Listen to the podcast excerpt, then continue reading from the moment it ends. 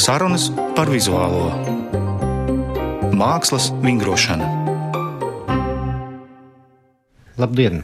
Šodien raidījumā Mākslas vingrošana es, Vilnis Vējš, mākslas kritiķis, tikšos ar diviem ļoti laikmetīgiem cilvēkiem, diviem mākslas cilvēkiem, ar uh, kuratori un Laiptīgās mākslas centra Kim vadītāju Zanonskuli un ar modes mākslinieku un vispār mākslinieku plašu profilu Rolandu Pēterkopu. Ja kāds nezina, tad viņš ir puse no radošā dueta Marija Rols.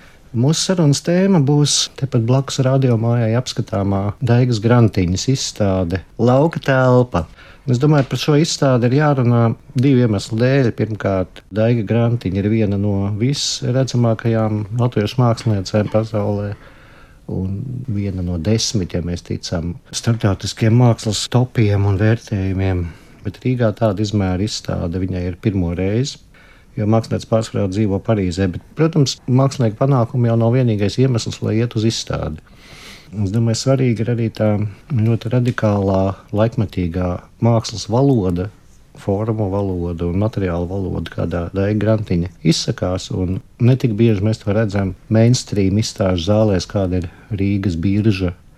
Tā ir labi pazīstama šī māksla varbūt tiem, kas apmeklē Kīmu vai mākslas festivālu Survival Kit Bet nu, auditorijas dalās. Un, ja es atceros iepriekšējo biržas apmeklējumu savu, kur bija Vilhelma Tīma, 19. gadsimta māksla, tad teiksim, šoreiz ienākot tajā telpā varētu būt tāds zināms apjukums un grūtības nofokusēties, atrast to savu pieeju skatītājam, ar ko sākt vai sākt cirkulēt ap tiem izstādītajiem objektiem, pulksteņa rādītāju virzienā un katru pētīt.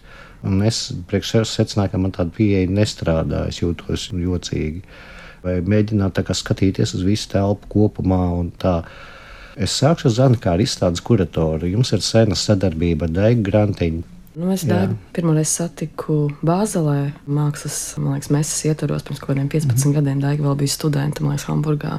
Studēja kopā ar uh, Eriku Apaļo citu starpā. Un uh, bija kaut kāds um, grāmatas prezentācija, un mēs vienkārši satikāmies, nu, kā Latvijas Latvijas. Mm -hmm. Un sākām runāties, un tajā laikā viņi strādāja krietni vairāk ar video darbiem un projekcijām. Viņi interesēja tieši arī tādas projekcijas, varbūt tā no tās tehniskās puses, arī projektoru gaismu, kā krīt. Un tad kaut kā mums tā saziņa turpinājās, un tad Daigai bija pirmā personāla izstāde Latvijā 16. gadā Kimā. Tur var teikt, varbūt esmu nosacītākā kuratora, un arī mums turpinājās tā saziņa.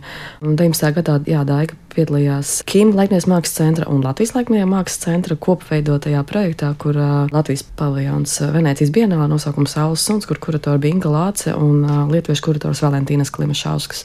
Bet es, protams, biju atbalsta komandā tajā laikā, es biju viņa pusē okeānā.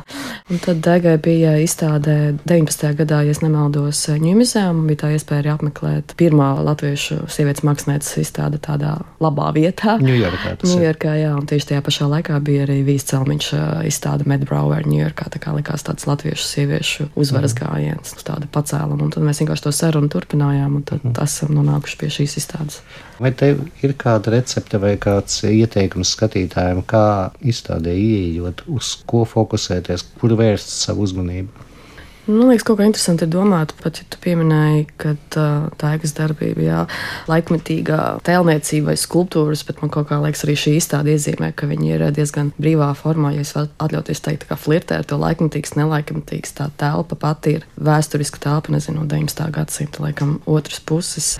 Tie pašā laikā, man liekas, tie darbi arī kaut kādā veidā tuvinās. Viņi ir salīdzinot ar, varbūt, kādā aigsta strādāja pirms desmit gadiem, viņi ir paliek nedaudz ārpus laicīgāki, vienkāršāki. Te vairs nav tā post-interneta estētika, viņa tā tuvojas varbūt latviskajam, dabiskajam un zemēju. Bet attiecībā uz to izstādes piedzīvojumu vai pieredzējumu.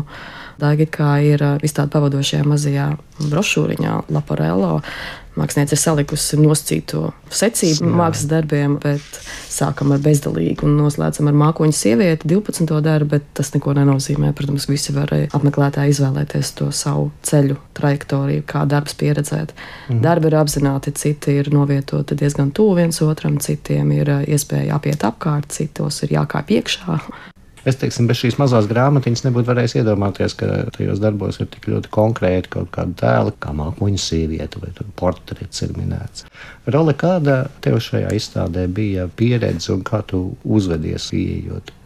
Es baudīju, jo es, jā, tik cik es biju redzējis Kimā, un ļoti daudz starptautiskos mēdījos, daigas rokrakstu. Man liekas, tieši interesanti to vērot pavisam citā vidē, telpā, kas ir Rīgas biežas muzejs, kur jau nāk klāt pavisam citā dimensija. Ja līdz šim pierasts ir asketisks, galerisks kups, un daigas uztver kā tādu skulptūras veidotāju, kas ļoti daudz iekļauj es nāku no vides, modes nozares, tad man patīk modē tieši šīs kolāžiskās garšas, ar ko mēs kā vēstam virzienu, uz ko mēs dosimies vai nedosimies. Bet šā vai tā intuīcija mums to dod. Tad Daiga to darīja mākslā, un man tas ļoti patika. Tur arī es domāju, slēpjas kaut kādā ziņā globāla atslēga, kāpēc viņa bija saprotama. Nu, ne tikai tāpēc, ka viņas pieredze, domāju, bet tieši tās valodas, ko viņi centās likt iekšā, lai atrastu to savu būtību, kā mākslinieci, veidot šīs skulptūras. Tur izvēršas plašs spektrs. Un Rīgā, jā, es varu piekrist Zanē, ka tas ir kaut kādā ziņā jau virziens, kur viņa pati attīsta tuvāk tam latviskajam. Bet te nāk klāt tas bonus savā ziņā arī tā telpa, kura man ļauj pastīties uz lietām vēl savādāk, un, un tas pats materiāls tik tūplānā, es kā viņu uztveru tūplānā, bet Tāpat brīdī viņš ir ar distanci un tā kopējā dramaturgija, kā ir izvietoti darbi. Tā ir tāda tā kā choreogrāfiska dēļa, kas ļauj iedzīvot šo izstādi. Jautājums, protams, izraisa, kā, ko tas ir mazsvarīgi, kā vietējā publika to uztvers, jo savā ziņā tā ir kaut kāda valoda, kurai ir jāsako līdzi ja tas ir pēkšņi pēc 19. gadsimta mākslas izstādes, tev ir šāda izstāde, tad jā, tur varbūt tas jautājums tam apmeklētājam. Bet man vienmēr gribās motivēt, ka tas ir jautājums viņam pašam par izpratni, nevis jautājums mākslas pasaulē, kas notiek ar mākslu.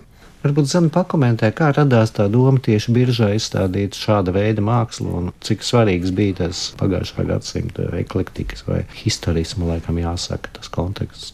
Nu, vien tas izriet motīvs bija saistībā ar daigas iekšējā nepieciešamību, man liekas, arī saistībā ar kultūras ministrijas līgumā fiksēto punktu, kad ir jāatrāda Venecijas paviljons Latvijā kaut kādā mērā, kas man liekas ir ļoti svarīgs aspekts, un tas vienmēr tā bija fonā, kad bija vēlme saules suni piedāvāt Latvijas publikai, bet kaut kā jā, tad mēs ātri vien nonācām sarunās ar daigu pie tā, ka tas nebūs, visticamāk, Baltais kups, galerijas telpa vai arī fabrikas telpa un uh, Rīgas birža, kas arī kā tāda, es nezinu, mums likās arī interesantas biržas konteksts, kā tāda, nezinu, naudas kultūras saskares punkts, un tieši vēsturiski, kas varētu būt kalpot kā tāds labs ietvers. Un sākotnēji mēs nemērķējām varbūt uz lielo zāli, bija doma varbūt taisīt tādus selektīvus atsevišķus darbus, izvietot vēsturiskajā ekspozīcijā, kādās starp zālēs, tur konkrēti muzejā ir tāda bosas zāle, bet uzsākot sarunu ar biržas vadību arī nāca arī piedāvājums veidot izstādi lielajā zālē, kur tieši, man liekas, šī ir otrā izstāde, kad ir atvērti atsakti logi, kas, protams, arī nospēlēja daigai kā tāds būtisks faktors. Un kaut kādā ziņā tagad, kad mēs ienācām atklāšanas dienā izstādes zālē, mums likās, jā, nu te ir vairāk varbūt sajūta kā Venecijā, kā Venecijā bija. un ja kaut kā padomā par Venecijas arī to kontekstu un daudziem vēsturiskiem muzejiem, man liekas, tāda veida apmeklētājs ir pieredzējis redzēt arī laikmetīgākus darbus vēsturiski interjeru ietveros, un šajā gadījumā man liekas, tas ir diezgan organiski, kā noteiktā saspēle. Nav tā, ka darbi noēda telpu, telpa nenoēda darbus. Man liekas, tas arī tāds ļoti. Jā, ka atgādini, atgādini Venecijas to ekspozīciju, man tā apliecina tas arguments. Par materiāliem mēs vēl parunāsim, jo Roli, jūsu toietam arī nu pat bija izstāde, ko droši vien visi redzējuši, ejot pa tērbatu ielu galerijā Alma. Un jūs kaut kā saistā ar daigas mākslu, tā tekstila izmantojums, bet Jūs nākat katrs no savas vidas, tomēr arī no vienas vidas. Un kas ar to tekstilu mūsdienās notiek? Tas nav vairs klasiski ne tas, ko mēs saucam par tekstilu mākslu, ne par kostīmu tavā gadījumā vai mm -hmm. modi. Tekstilis pārvēršas par kaut ko pilnīgi citu. Jā, tādu darbu pie sienas, tu domā? Jā. Nē, nu, piedod, jūsu darba arī ir pie sienas. Turklāt Jā. viņi, atšķirībā no, no daigas, viņi nav kā telpiski izvērsti, bet tās ir vairāk skulptūras nekā mākslas darba taisnstūri. Jā. Tas bija apzināti, jo mēs gribējām kaut ko pielikt pie sienas ar domu, ka, ja reizēm kaut ko pieliec pie sienas, varbūt tā reizēm var pateikt kaut kādu niansu ideju daudz stāstošāku, kā glāzna. Kā mēs nekad neesam mierā ar to savu pozīciju, ko darbojamies modes laukā Mēs kā visu laiku arī konfliktējam paši ar savu esamību tajā vidē, bet tā vide nepieprasa dziļāku jēgu vai vispār paskaidrojumu. Tā dziļākā jēga vai koncepts daudz vairāk sarežģīta.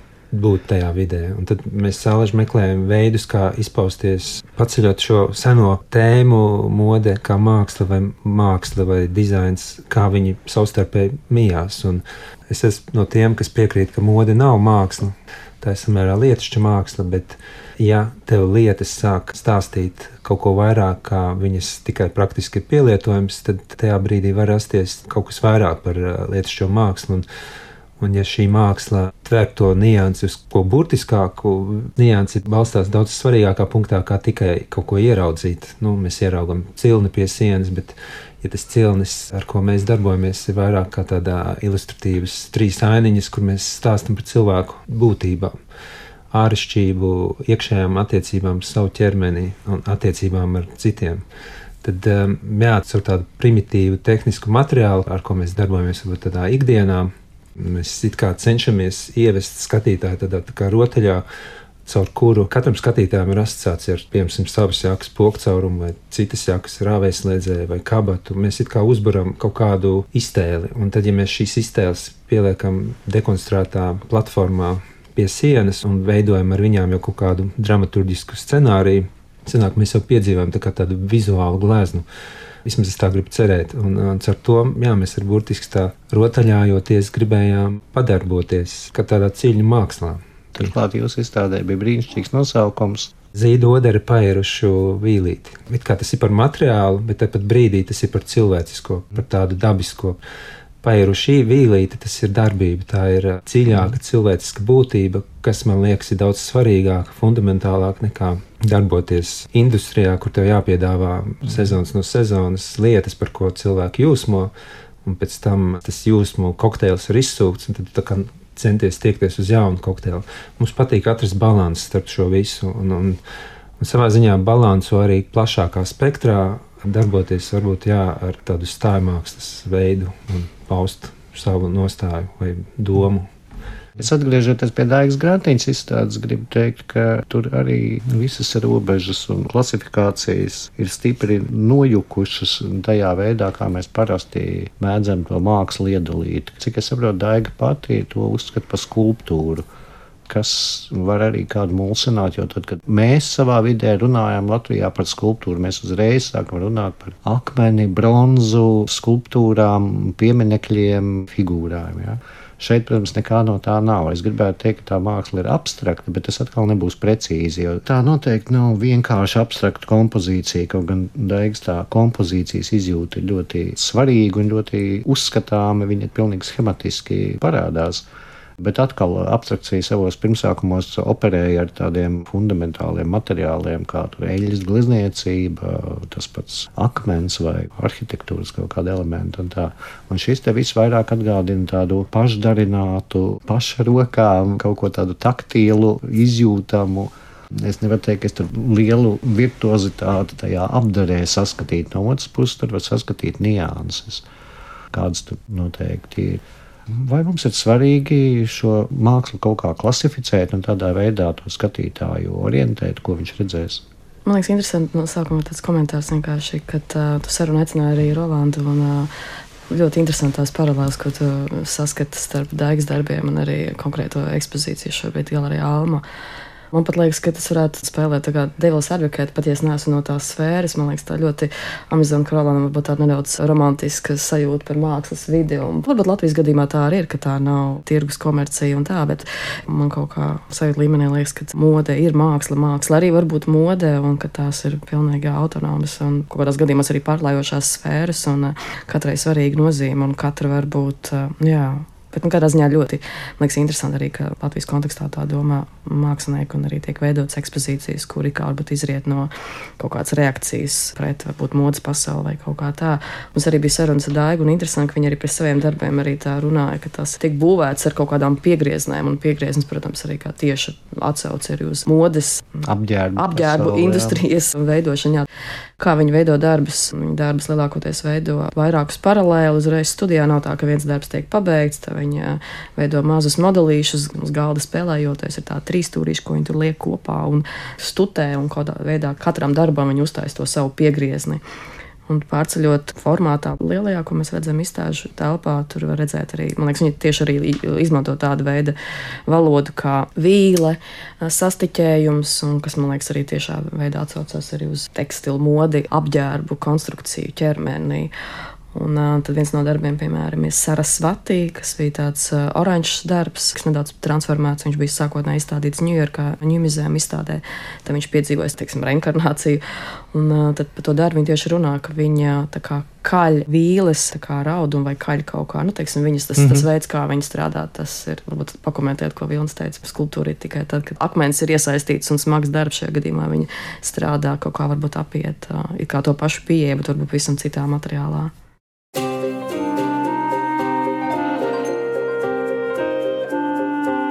Mākslas vingrošana.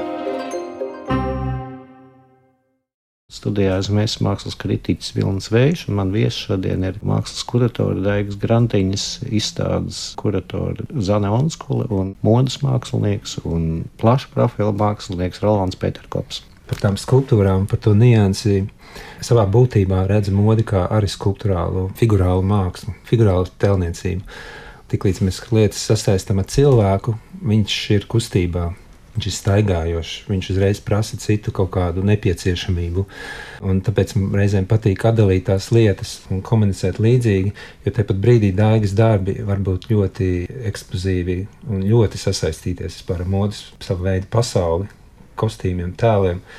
Man tieši arī tā smalkā nianse, kas redzu, ka tie ir skulptūrāli darbi, ir tas, kas uzrunā.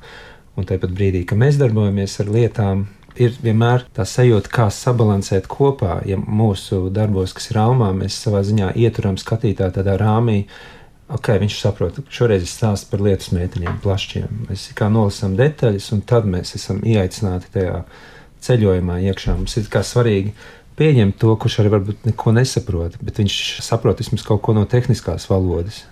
Jo mūsu instrumenti šajā gadījumā ir tie, ar ko mēs darbojamies pārsvarā ikdienā, piegrieznis, kas saistās ar šūšanu un dažādiem materiāliem. Un, un, nu jā, šī pašā pasaule, tas pats arī jebkur citu mākslinieku gadījumā ir eļļas materiāli vai kāda cita materiāla, no kā viņš būvē. Mūsu gadījumā mēs savā darbā centāmies apzināt tos savus materiālus, ar ko mēs varam darīt kaut ko vairāk kā tikai ierastu dizainu un tirgot, pārdot. Es varbūt varu atklāt savu taktiku, ko es uztaustīju Daigas izstādē, ieejot, kad tā staigāšana apkārt vienam darbam, es jūtu, ka viņa nav organiska. Un varbūt tā mana pieeja bija skatīties uz kādu tālāku darbu, caur citu tuvāku darbu.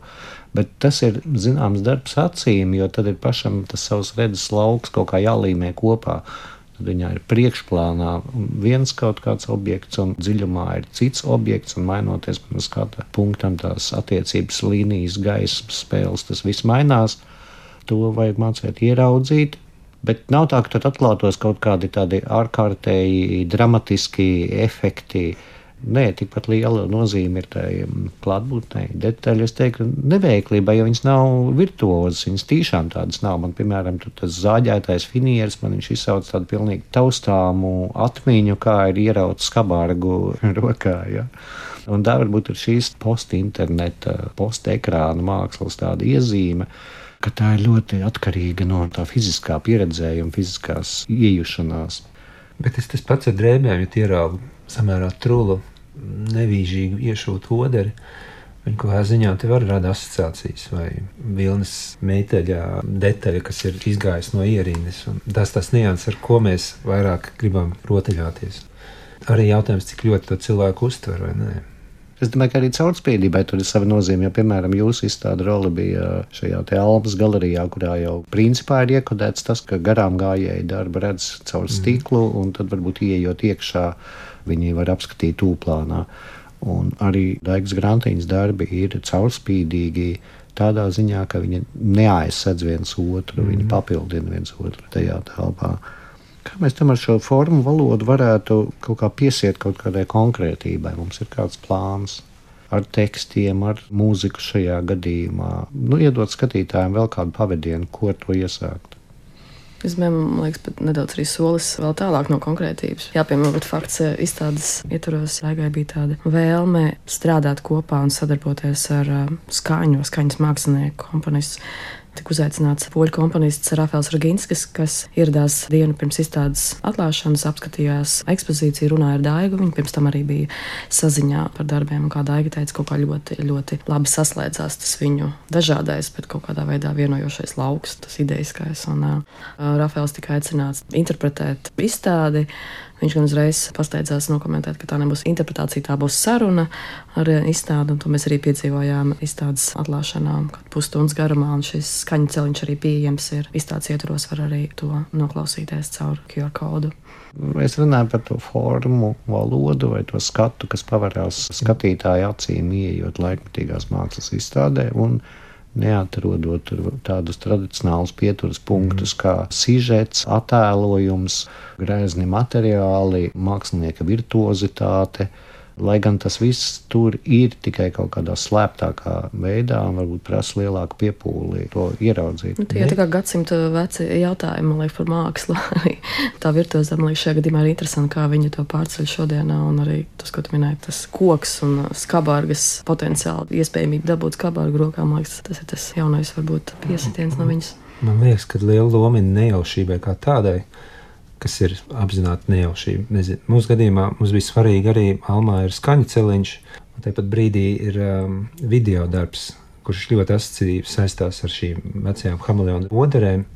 Ja mums darbā ir hameleona oderis, kā tāds mainīgs. Kas tas ir? Tas ir, kas maina krāsu, pagriezienā. Godīgākais, mazākais zvēriņš pasaulē, kurš nevar slēpt savas emocijas. Un mūsu darbā ir stāsts par šo cilvēku iekšējo būtību, un tu nekādi nevar no viņas izbēgt. Un lai kā arī attiecībās, citreiz viņi maina toni, pielāgojoties sistēmai, bet šā vai tā viņa paliek un ir redzama. Jā, tas bija viena nejaušība, tas video darbiņš, un otra nejaušība skaņa, kas ļoti atcita apakaļ mums pie tās prasmes darboties, kur skaņa, kas bija niansēta ierakstīta no audumiem, cenāk darbnīca, vide, kas bišķiņi ieliek mūs tajā rāmī, ka mēs saprotam, kādām darbībām mēs darbojamies. Tā ir viena tā industrija, un otra ir emocionālā pasaule, kas mūs būvē kā cilvēkus ar vairāku kārtu lejeriem. Man liekas, ka tā nejaušība, un es bieži arī meklēju nejaušības, jebkurā izstādē. Tāpat arī eh, daigas, jā, jo visas tās lietas it kā palīdz, man liekas. Jā, laikam eh, tāda perfekta skatītāja uztveres choreogrāfija īsti nav modē šobrīd. Tad mēs atkal atgriežamies pie tās tēmas, kā arī mākslā ir mode. Un, nu, noteikti, ka Daiga iekļaujas tādā plašākā strāvojumā, kas ir aktuāls jau gadus desmit, varbūt. Mm, varbūt Latvijas mākslā viņš ir sastopams tikai ļoti fragmentāri. Varbūt mēs varam pavisam konkrēti atgādināt, kā mēs tomēr šos mākslinieka reitingus slāvu, es nezinu, kā viņi veidojās, kādēļ ir šī ievērība. Oi, man liekas, tas ir tāds komplicēts jautājums. Tas man liekas, vienkārši ir situācijas sakritība ar um, izglītību, būšana konkrētajā vietā, konkrētajā laikā, lai cik tas banāli arī neizklausītos. Doma, kāda pasniedzēja, tas viss man liekas tālāk vienkārši jāvirza. Tam māksliniekam savā tas ir. Uh, un tas šeit pamatā vienkārši kontakta izglītība, konteksts, sarunas, izglītības iestādēs, sarunas ārpus. Nav, man liekas, nekādas receptes bet vai arī tam ir eh, spēja iekļauties kaut kādā virzienā, strāvojumā, vai šis strāvojums kļūst populārs ar tiem māksliniekiem, kas tajā darbojas. Man liekas, interesanti Daigas gadījumā, ka viņa var teikt, un viņa joprojām skaitās, man liekas, jaunākā, jaunas paudzes autora, bet viņa, man liekas, jau var pati varbūt arī attālināties no tā, kādā virzienā viņa strādāja varbūt pirms tiem 10, 15 gadiem.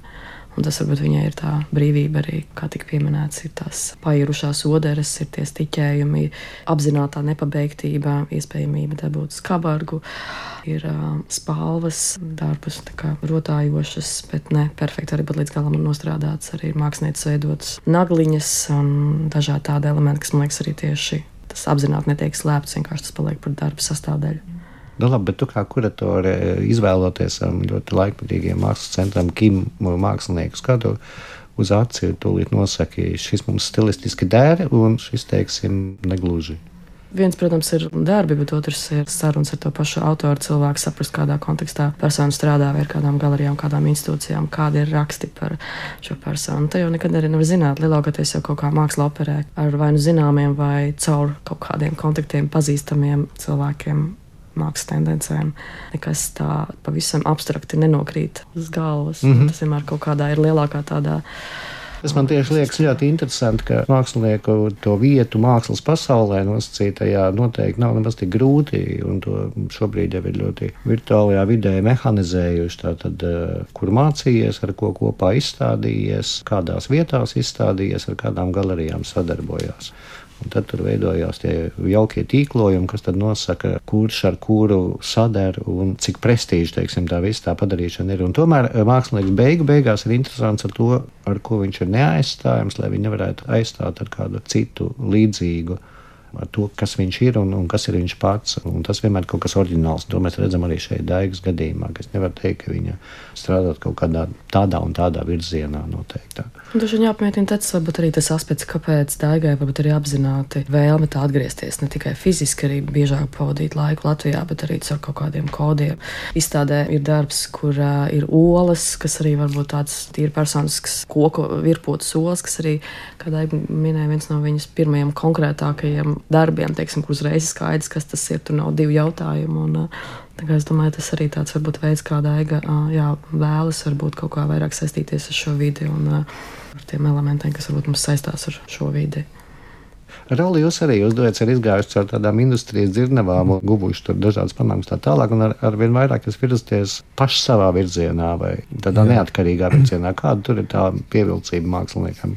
Vispār viena atziņa ir noteikti, kad uh, mode ir šausmīgi dārga padarīšana. Māksla nav ne tuvu tik dārga. Un līdz ar to, ja tu gribi kaut ko izpaust saistībā ar modi, ne tikai ražojot vai radot vienu apģērbu vai siluetu vai ko, tu gribi stāstīt daudz ko vairāk par to visu. Un pavisam vidū tur kaut kur ir apģērbs pats par sevi, bet tu jau kā modes radītājs nes pavisam citu būtisku kontekstu tam visam. Un uh, to lasa visa pasaule. Man liekas, šā vai tā vai nu kādas ir bijušas pieredzes, man liekas, visa pasaule ošņājās pret kaut kādu svaigu gaisu, pret jaunu enerģiju. Un, um, un reizēm viņi savož to enerģiju, bet viņi, viņi negūst vēl akceptu, jo nav droši vai nav pietiekami pārliecināti, ka tas varētu būt tas virziens. Un tad mēģina skatīties, kur plūst vairums. Un, ja vairums ar savu plūst tajā virzienā, tad tā jauna enerģija pārņem to modes vilni. Man pašam tieši modē interesē šīs lietas, kā tas bars, kas man īstenībā neinteresē, masu cilvēki, kas skrien pakaļ modēji. Kas ir tās lietas, ko viņi pielietos pēc 3, 4, 5 gadiem? Tas ir daudz interesantāk nekā būt šobrīd modē. Tādā ziņā man liekas, māksla, mūzika ir uh, vispilgtākais piemērs tam, kas patiesi, vismaz tā māksla, kas man patīk, kas patiesi riskē izkāpt no tās komforta zonas un ošņāties, būt nesaprastiem kaut vai, bet viņi tomēr uzticās saviem ideāliem un mēģina atrast to izēju uz to jauno skaisto telpu, jo viss jau savā ziņā ir par skaistumu, viss meklē skaistumu. Un tas skaistums, ja tā pastāstās vēsturiski, ir nenormāli interesanti attīstījies. Un, gan Daigas gadījumā, gan mēs ceram, savā gadījumā mēs arī meklējam jauno skaistumu, ko cilvēks saskata, ieslēdzot visus kontekstus. Ne. Mūsu gadījumā, jā, mēs esam savā ziņā bišķi sarežģīti ar savām domāšanas lietām, kuras neliek mums mieru, un skaidrs, ka mēs meklējam savu ceļu. Jo nākot no tās industrijas, vai nu tu esi ļoti situēts, bagāts cilvēks, un tu vien iekšā tajā industrijā plosies, jo viņi pieprasa ļoti daudz finanses un ļoti daudz cilvēku resursus vai nu tu mēģini atrast savu sasaisti ar lieliem industrijas cilvēkiem caur citiem rokrakstiem. Un tas Aleš bija tas mūsu veids, kā mēs varbūt, esam notvēruši kaut kādu uzmanību un komunikāciju ar nu, globāliem modes vērotājiem. Un, uh, mm -hmm. Es ceru arī. Tikai... Cik interesanti, ka tu runā par modes pasauli, un tas pilnīgi viss vārds vārdā atbilst tam, kas notiek mākslas pasaulē, kas ir gan diezgan dārga. Nē, es biju Bāzelē arī pirmo reizi pagājušā rudenī sapratu, ka tur mākslas pasaulē ārprāts kāds tirgus notiek. Jā.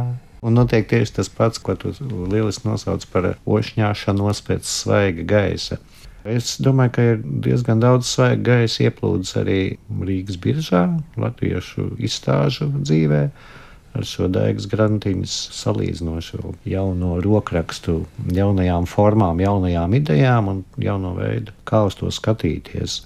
Jūs klausījāties raidījumu Mākslas vingrošana, To vadīja es Vilnis Vējš, man viesi bija Rolands Pēterkops un Zana Unskule, redzījuma producenti Ieva Zeidmane. Raidījums tapis ar valsts kultūra kapitāla fonda atbalstu.